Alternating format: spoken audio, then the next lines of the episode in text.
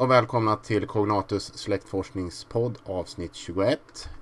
Vi har laddat upp med eh, nya inslag och nya samtalsämnen och min samtalspartner är som vanligt Linda Kvist. Hej Linda!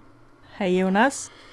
Vi har några saker att riva av idag. Eh, vi är lite tidsnöd nästan för att vi ska dra iväg på släktforskarkryssning imorgon. Precis, vi har tagit en paus här i packningen. Men det är väl lika bra att vi, vi går in på vad vi ska prata om idag. Först ska vi göra som vi brukar, snacka om lite aktualiteter. Du har några saker och sen ska vi prova en ny grej.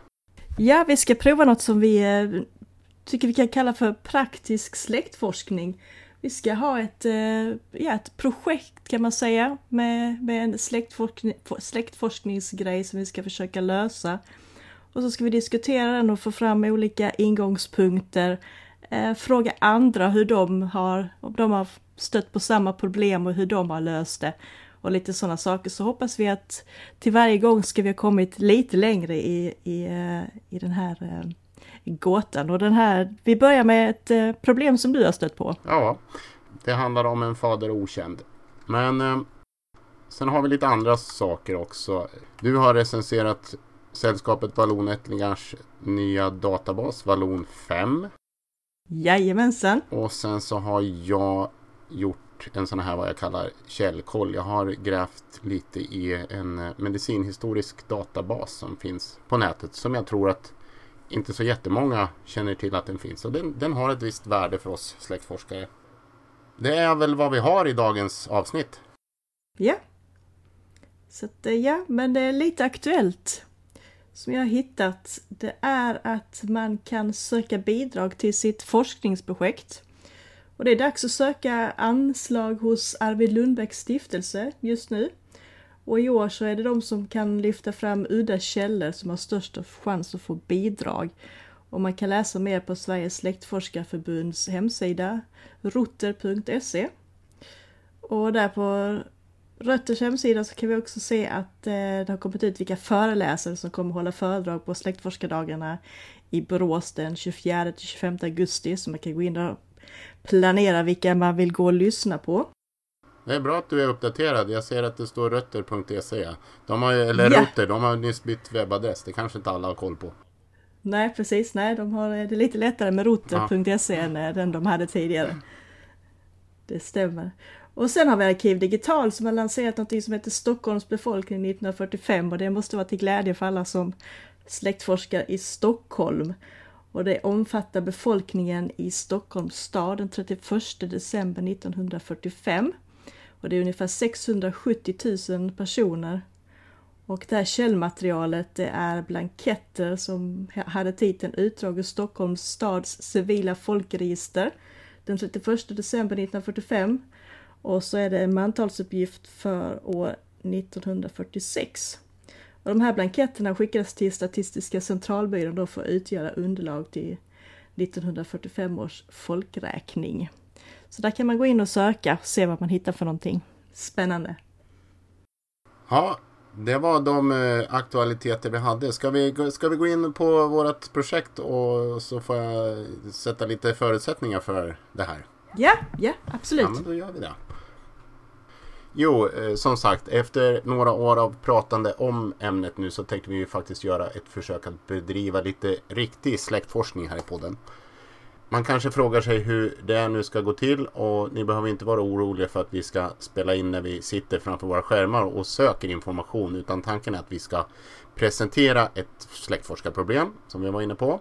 Ett verkligt sådant och diskutera angrepps och tillvägagångssätt och utifrån det lägga upp en plan för vad vi kan göra för att lösa det här problemet. Då. Sen tar vi och försöker göra så mycket som möjligt av det vi planerat tills nästa avsnitt och redovisar då statusen för problemet.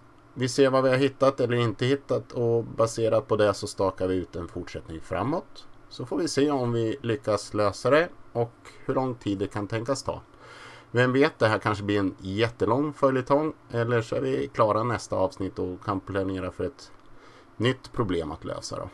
Det vi tänkte ta oss an i det här, vårt första experiment, är då som sagt en fader okänd som finns i min släkt. Min eh, Farfars mor står i födelseboken utan angiven far. Hon hette Hulda Cecilia Lindström och var född den 13 mars 1886 i Höreda i Småland. Hennes mor hette Ida Augusta och var 20 år vid födseln. Och de återfinns på sid 261 i volym C kolon 7 i Höredas kyrkoarkiv.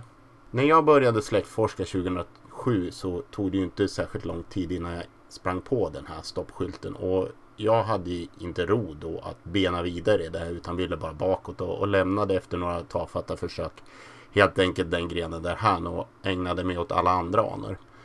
Så det här är faktiskt orörd mark jag ger mig in på. Vilket är ganska konstigt. Jag har släktforskat i 12 år och har, har, en, en, har knappt försökt med, ge mig på det här. Men vilket passar bra nu när vi vill ge oss på det här då. Jag har inga erfarenheter själv av att försöka finna okända fäder. Då detta är nog det enda exemplet i min egen forskning som jag kan dra mig till minnes. Eh, hur ser det ut på, på din sida Linda? Har du gjort något sånt här? Ja, så där. I min egen forskning så har jag ett par. Jag har en på mammas sida och en på pappas sida. Men jag har inte, det är precis som du, jag har inte gått så mycket vidare för det finns så många andra grenar att, att forska på. Så jag har inte gått så långt på dem. Men jag hade en som jag la ner ganska mycket tid på. Och så eh, jag hittade dessutom en misstänkt som jag tänkte att den där ska jag hitta. Och när jag tog mitt DNA-test så var min tanke att jag skulle kunna lösa den gåtan om jag fick träff på personen som hade då den här misstänkte pappan i sitt träd. Men eh, det gick inte så bra med den här planen för att det visade sig att det fanns en annan far i ledet innan det här paret då. Eh, så att jag är inte biologiskt släkt med den grenen överhuvudtaget så jag kan inte lösa just den gåtan med mitt DNA. Så att jag har inte kunnat se om det stämmer men jag är fortfarande nyfiken på om, om det skulle kunna vara den här eh, pappan ändå. Så det är väl det, det är de där två som jag har i princip.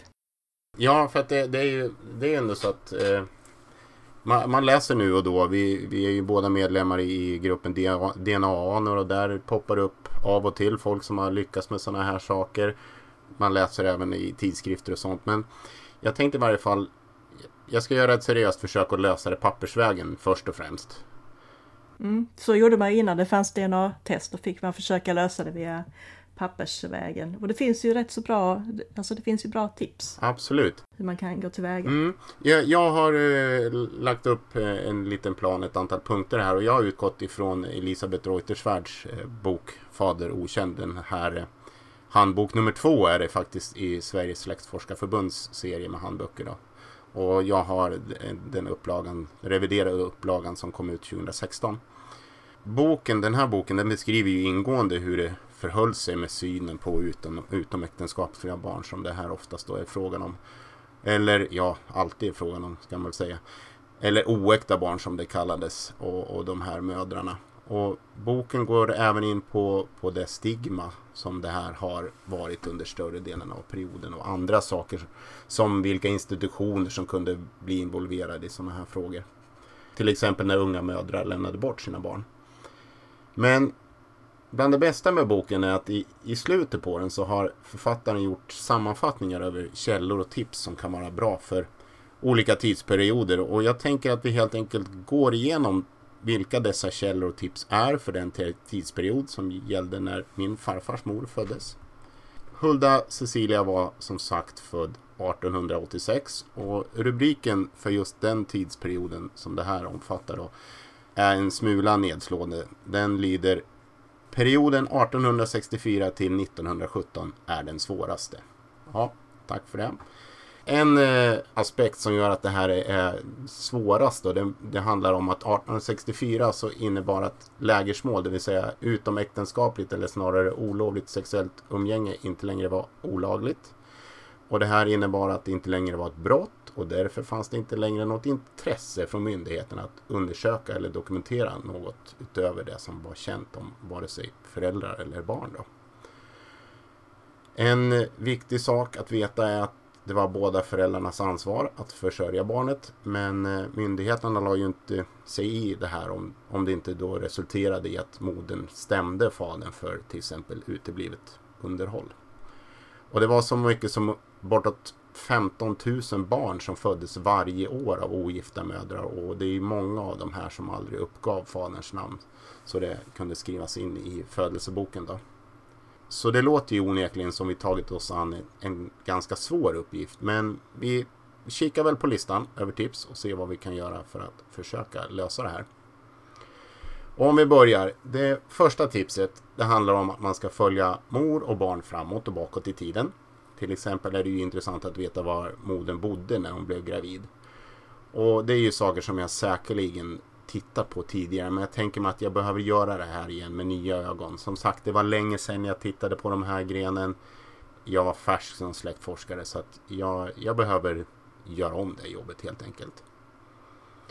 Punkt två i Reutersvärds tipslista är att det handlar om vad man kan göra om båda föräldrarna är okända. Men så är ju inte fallet för oss.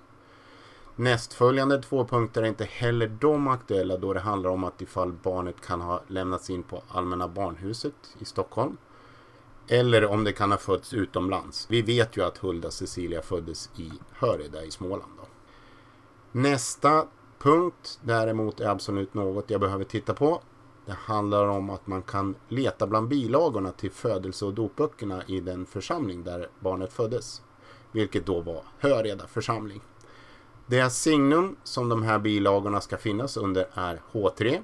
Och vad jag vet så brukar de inte vara digitaliserade. Så det blir först och främst att kika i den nationella arkivdatabasen NAD på Riksarkivets hemsida för att se om det överhuvudtaget finns något material under det signumet och om så är fallet då så får jag försöka hitta det med hjälp av någon arkivarie på landsarkivet i Vadstena där Höreda församlingskyrkoarkiv finns bevarat.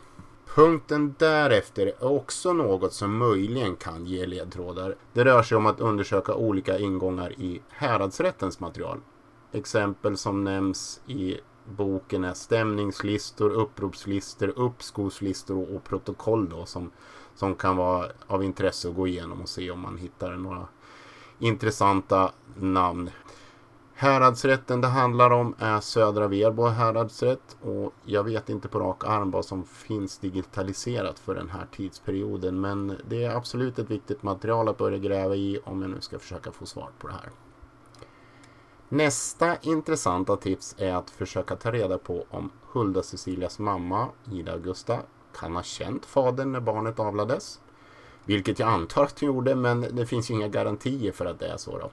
Men eftersom Hulda Cecilia föddes i mars 1886 så tänker jag mig att jag utgår från den plats där hennes mor Ida Augusta bodde under sommaren 1885 och letar upp potentiella fäder som finns i grannskapet vid den här tiden. Och jag vet inte, jag undrar hur, hur brett man måste leta hela Hörreda. Vi får se. Men jag tänkte jag börjar väl med, med gården och uppslaget för den i varje fall. Så får vi se hur långt det är. Vad, vad tror du om det? Jo men det tror jag att det låter bra. Eh, jag skulle titta på de som var absolut närmast eh, geografiskt till att mm. börja med. Men man får ju också betänka sommar, eh, landsbygd, höskörd. Det kan liksom, man kan ha rört sig över stora ytor och träffat mycket folk under, under den här perioden. Men ja, vi, vi får se helt enkelt. Man måste ju börja i, i närområdet i alla fall. Precis. Nästa punkt den handlar då om att undersöka om fosterföräldern kan vara den biologiska föräldern. Men det är ju inte aktuellt med någon fosterfar i det här fallet. Sen kommer en punkt om att titta på eventuella bouppteckningar och testamenten efter en misstänkt avliden fader. Och det låter ju absolut som någonting värt att göra om jag nu hittar någon misstänkt. Nästa tips är då att titta på släktens brev, fotoalbum, rykten och kolla av skvaller. Så jag får väl alltså ta och ringa några av mina äldre släktingar och se om de har något som de vill berätta. Och det låter ju rätt trevligt. Det var länge sedan jag pratade med dem mer än tio år sedan. Ja men då är det dags. De kanske har hittat några bilder eller vad som helst på släkten som du inte har sedan tidigare. Mm. Det är alltid bra att ta upp kontakter och uh, höra av ja, sig så, efter ett tag. Så är det. Sista punkten heter rätt och slätt DNA-undersökning och då är det ju tur att jag har med dig Linda för det här är, kan ju du säkert på dina fem fingrar. Vad kan jag göra för att försöka hitta Hulda Cecilias far med hjälp av DNA. Hur ska jag tänka där? Mm, det första som jag funderar över, det, det hade du faktiskt med här i, i, din lista att du skulle göra.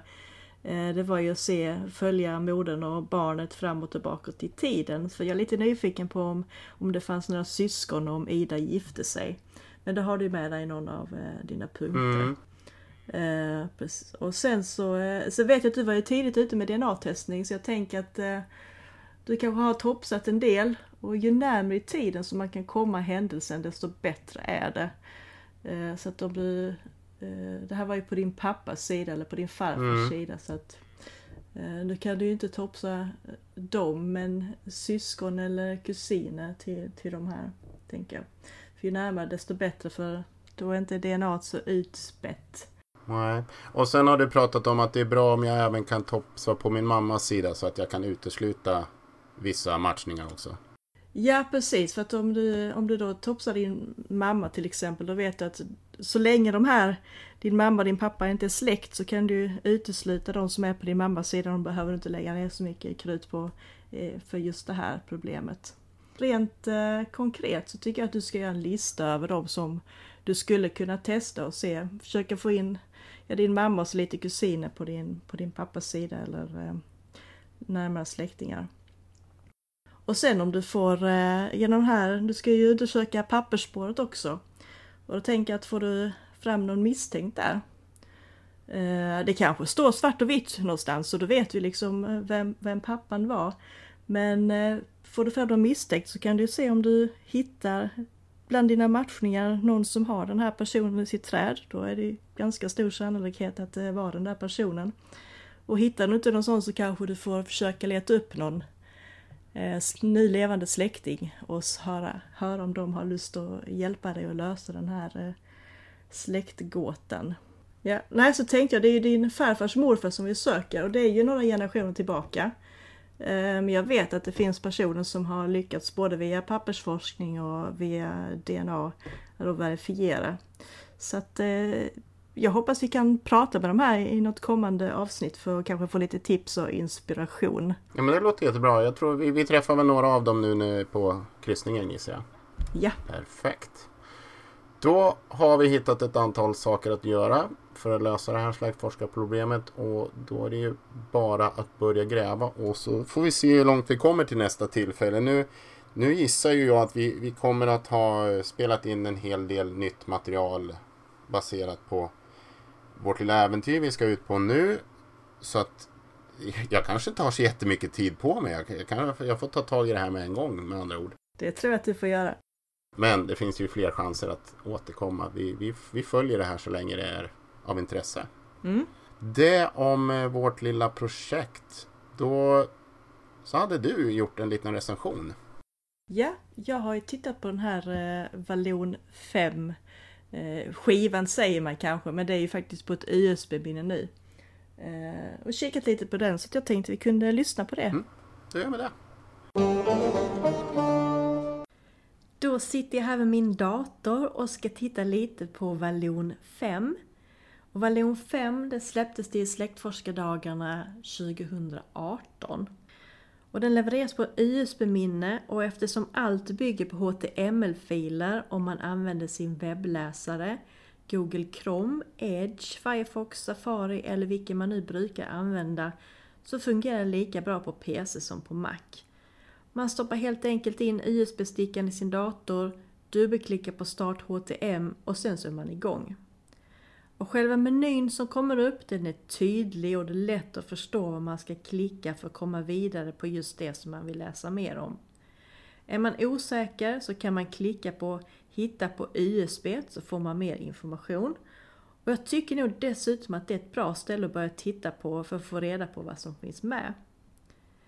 Det är sällskapet Vallonättlingar som är utgivare och jag som inte alls har kommit in på vallonforskning tidigare tycker om att jag kan klicka runt och läsa ändå ganska utförliga artiklar om till exempel Vem är vallon? Vallonska språk, livet på bruken och yrkesbenämningar bara för att nämna några. Om man nu som jag är helt nybörjare på det här med hur man forskar på valloner så finns det även ett avsnitt som handlar om just vallonforskning. Och där vill man ge stöd och inspiration för fortsatt eget forskande och där får man även tips på vilka källor som finns. Med följer också en databas med drygt 120 000 personer. Och som ingångar i databasen finns personregister, efternamnsregister, ortsregister och så något som man kallar för stampersoner. Och som sagt, gränssnittet är enkelt att förstå och i princip var man än befinner sig så hittar man en länk som är åter till startsidan så att man snabbt kan hitta tillbaka till startmenyn igen. Så hittar jag själv någonting? Ja, faktiskt. Det fanns ett efternamn som jag kände igen. Men jag hade inte kommit så långt tillbaka på just den grenen, men det var faktiskt intressant. Jag roar mig också med att titta på församlingar där jag har släkt och de församlingarna som ligger runt omkring här där jag bor. För att se om jag kunde hitta några namn som jag kände igen. Och för mig utan kända vallonsläktingar så tyckte jag nog att all den här kringinformationen var det absolut mest intressanta. Men jag förstår att det måste vara ett jätteintressant material för de som forskar på just valloner. Och är man intresserad av vallonforskning så kan man läsa mer på sällskapet Vallonättlingars hemsida, vallon.se. Och där kan man även beställa den här Vallon 5 som enligt hemsidan kostar 360 kronor och är man medlem i sällskapet så betalar man 300. Det där var alltså recensionen om databasen Vallon 5. Jag har eh, jag har grävt lite i valloner, eller i varje fall så trodde jag att det var valloner. Jag hade en namn som var engagerad på ett bruk här i Uppland och han kom hit tillsammans med vallonerna. Men jag hade ju den oturen att han var, han var inte vallon. Han räknades som holländare och då har han inte fallit under luppen för de här människorna. Så att eh, jag eh, jag använde databasen en hel del och, och försökte gräva men eh, det, det, gav mig ingenting just nu. Men eh, en, en, helt klart en användbar databas. Mm, verkligen. En annan databas som jag har grävt i som jag sa inledningsvis då, är den medicinhistoriska databasen. Hade du hört talas om den innan jag nämnde det här för dig? Nej, det hade jag Jag hade sett någonting som skulle kunna vara från den men jag hade faktiskt aldrig varit inne och sökt i den. Så att eh, det här tyckte jag var eh, jätteintressant. Mm. Men, men jag fick intrycket av att du, du fastnade i den lite som jag gjorde. Eh, in, inte så mycket för att den kanske ger så vansinnigt mycket ur, ur släktforskningsanseende. Att det, det är inte så att man kan söka och, och slå på jättemånga personer och tro att man får någon nå ledtrådar framåt. Men det är ett väldigt intressant material som pekar på hur, hur det var inom sjuk och, sjukvård och mentalvård och ja, på, på 1800-talet som det här handlar om. Ja, så det stämmer. Jag sökte lite grann på de här församlingarna där jag själv forskade. Då kunde man ju se de här provinsialläkarna i deras rapporter. Om när det här var till exempel mässlingepidemier, vilka år det var, då kunde man liksom gå in och se och tänka att ja men det var kanske där som jag hade eh, någon, något barn som dog mm, i mässlingen. Då gick det kanske en, en epidemi precis där vid det tillfället. Så just det här runt omkring, det var, det var väldigt intressant. Och sen när jag sökte då på andra orter så kom jag in på lite de här obduktionsrapporterna och där fick man ju också läsa lite grann om hur det gick till. Mm. Och vad de tittade på för någonting. Det var ganska detaljerat. Ja, det, det, finns mycket dråpliga historier och berättelser och redogörelser i det här materialet. Men, men helt klart ett intressant material tycker jag. Vi kör igång så får folk höra vad jag har att berätta om den här medicinhistoriska databasen. Då tänkte jag riva av en eh, så kallad källkoll igen. Det var ett tag sedan sist. Men eh, nu tänkte jag prata om någonting som kallas för den medicinhistoriska databasen. Den här medicinhistoriska databasen är en databas som härbärgeras av Linköpings universitet. Databasen innehåller transkriberat material från flera olika källor och eh, databasen har de här olika källorna som underliggande kategorier. De är sju till antalet och jag tänker gå igenom dem lite översiktligt och beskriva vad man kan finna där. Om jag har förstått saken rätt så tror jag att det här materialet är hämtat ur Medicin Medicinalstyrelsens arkiv. Men jag tror att man kan hitta liknande arkivmaterial på andra arkivinstitutioner också. Men det går jag in på lite mer eh, senare i inslaget. Men de eh, sju olika delarna det rör sig om är något som kallas för hospitalinspektioner. Sen så är det protokoll från hälsovårdsnämnder. Årsberättelser från länslasarett. Medikolegala rapporter. Medicinalstyrelsens protokoll. Överinspektören för sinnessjukvårdens berättelser. Och årsberättelser från provinsialläkare. Och allt det här materialet då finns då samlat i en och samma databas transkriberat. Jag börjar med hospitalinspektioner. Och det här materialet handlar om åren 1877 till 1914. Det är som sagt ifrån Medicinalstyrelsens arkiv och finns på Riksarkivet i Stockholm. Rapporter som är skrivna av inspektörer från då Kungliga Medicinalstyrelsen som åkte, åkte runt och genomförde inspektioner på landets olika hospital. Och de här inspektionerna pågick i regel under några dagar. Och ett hospital, det var från 1800-talet den benämning man använde för mentalsjukhus. Då. Rapporterna skiftar i utseende över tid men eh, de tar upp ungefär samma saker. Det handlar om patienterna, hur många de är, könsfördelning, typ av diagnoser, antal förbättrade respektive obotliga, antal utskrivna och döda. Men det är i form av statistiska data hur många det rör sig om då. Ytterst få personuppgifter om de inlagda patienterna men det finns en del om personalen. Ett exempel från Uppsala hospital där en välkänd person figurerar 1894 lyder citat Samma tjänstemän som vid förra inspektionen utövar fortfarande sina befattningar med undantag av hospitalspredikanten. Den 1 maj detta år frånträdde filosofie och teologikandidat N Söderblom sin tjänst och i hans ställe förordnades kommunister C.G. Warenberg till den 1 maj 1897. Han är boende på hospitalet och åtnjuter alltså de för honom anslagna naturaförmånerna. Slutcitat. Här finns det alltså lite information om personalen som man kan hitta.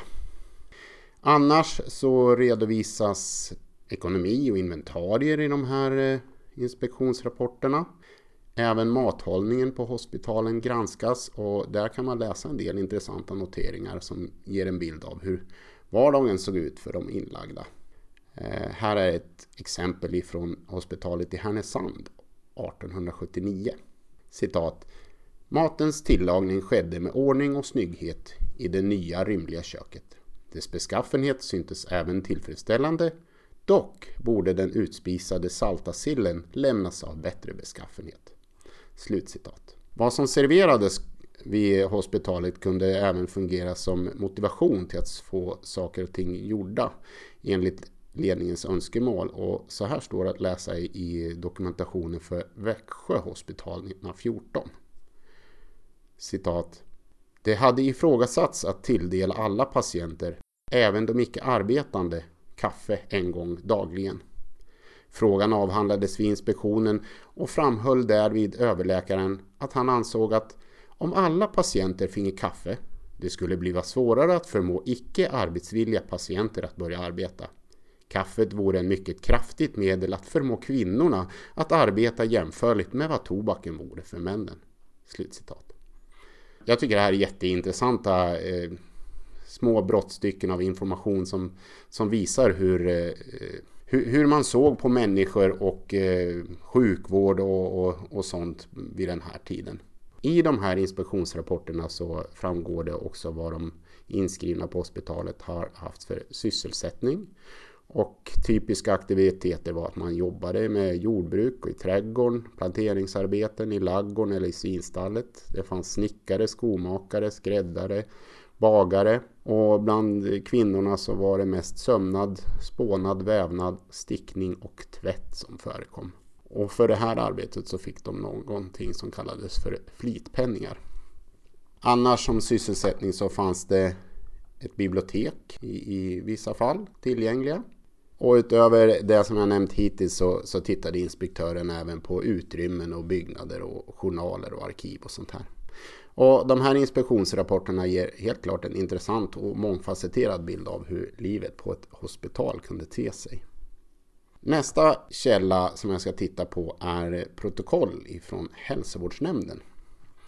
Och eh, det här eh, beståndet som finns i den här databasen omfattar bara några år. Det är 1878 till 1880 och från ett 70-tal olika städer. Och jag gissar att det, det råkar vara ett, ett, eh, en del som har hamnat i Medicinalstyrelsens arkiv. Men i normalfallet så finns sådana här eh, protokoll från hälsovårdsnämnden bevarade i respektive kommun eller stadsarkiv om man är intresserad.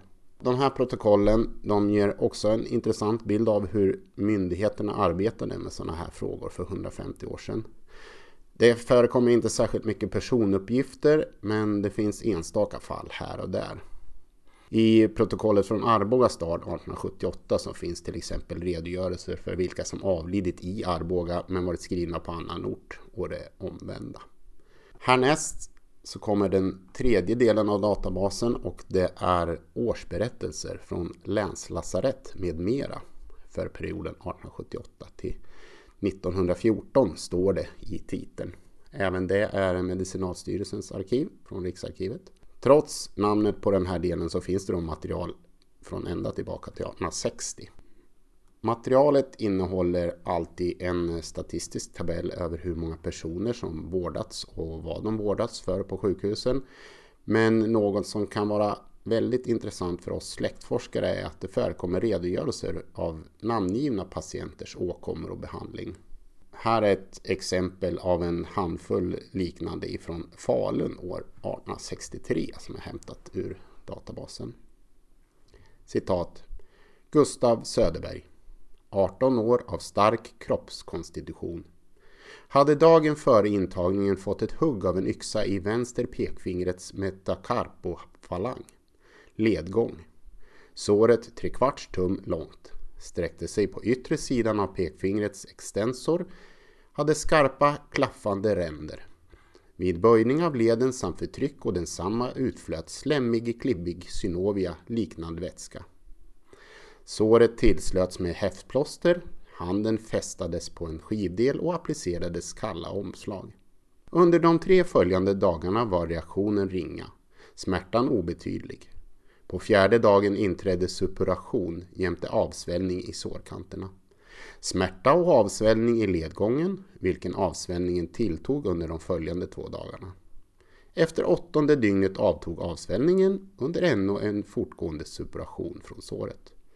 Förbandet förnyades dagligen.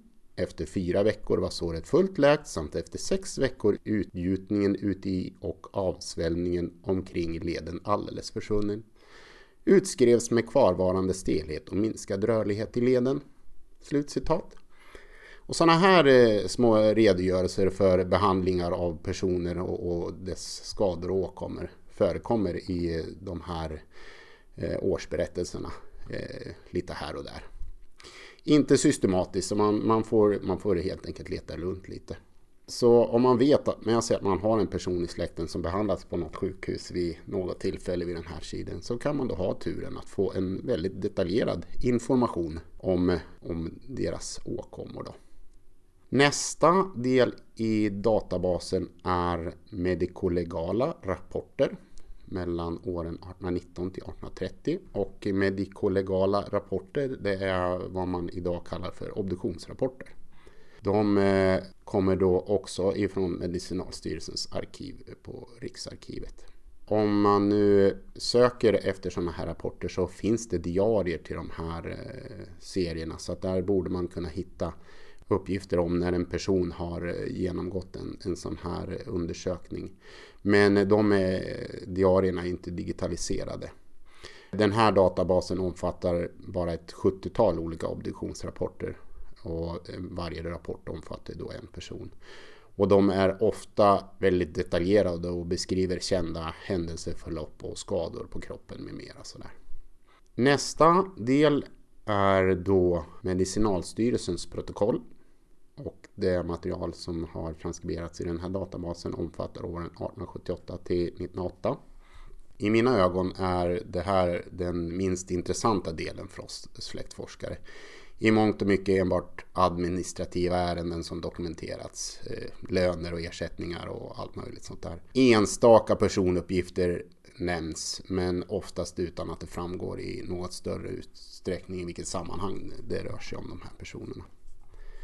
Nästa del är eh, överinspektören för sinnessjukvårdens berättelser för perioden 1899 till 1914 påminner om de här inspektionsrapporterna som jag började med. Även här finns det då inslag av personrelaterad information om det skett något avvikande i hanteringen eller behandlingen av patienten eller om något speciellt har inträffat så att eh, man har varit tvungen att involvera överinspektören. Då. Därnäst så har vi årsberättelser från provinsialläkarna det är då sammanfattningar sammanställda av provinsialläkarna runt om i landet. De här sammanställningarna ger ofta en väldigt bra översiktsbild av vilka sjukdomar och andra hälsorelaterade problem som huserade i ett område vid en given tidpunkt. Då. I det här materialet förekommer det också enstaka sådär personrelaterade uppgifter när provinsialläkaren vill framhålla något exceptionellt då som har skett i, i bygden där han hade sitt ansvar. Det var alla de olika beståndsdelar som den här databasen, medicinsk historisk databas vid Linköpings universitet innehåller. Då. Databasen som sådan, den har ganska begränsade sökmöjligheter. Man kan söka på årtal och sen fritext.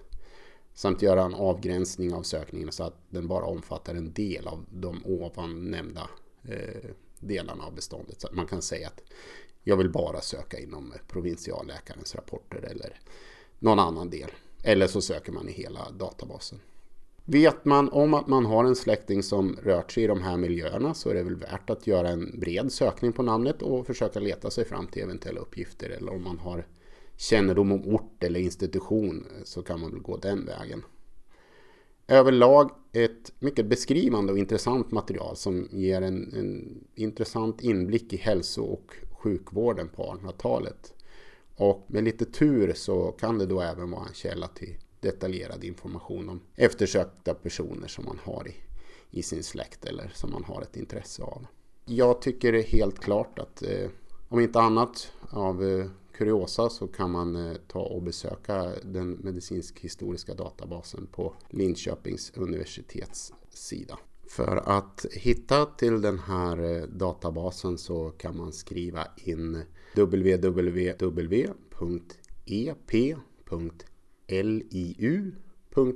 e databases medhist slash jag lägger givetvis den här länken på Facebook-sidan och i, i informationstexten till det här poddavsnittet. Eller så kan man googla på medicinhistoriska databasen Linköpings universitet så borde man komma rätt på en gång. Det var vad jag hade att säga om den här källan. Som sagt ett otroligt intressant material som finns i den här medicinhistoriska databasen och jag rekommenderar verkligen att man går in och söker på församlingarna man forskar på själv för att få reda på sjukdomar och epidemier som kanske fanns där och olika dödsorsaker som personer dog av. Eh, mm. olika har, man, har, har, man tur så hittar man en, en släkting också. Ja, det ja, står ju ibland där ibland. Det finns ju ett antal men mm. det, det var vad vi hade idag i form av inslag. Mm. Nu så kommer vi och jobba fram många nya inslag veckorna som kommer. Vi har våran eh, fader okänd. Vi kommer att träffa mycket intressant folk närmaste dagarna. Men vi är ju alltid intresserade av att folk skickar in något spännande till oss. Och det går bra och med att mejla till eh, podd.cognatus.se. Det kan man göra. Vi finns på Twitter under Cognatus mm. podd. Ja, och eh, det finns en Facebook-sida också, krognatus.se.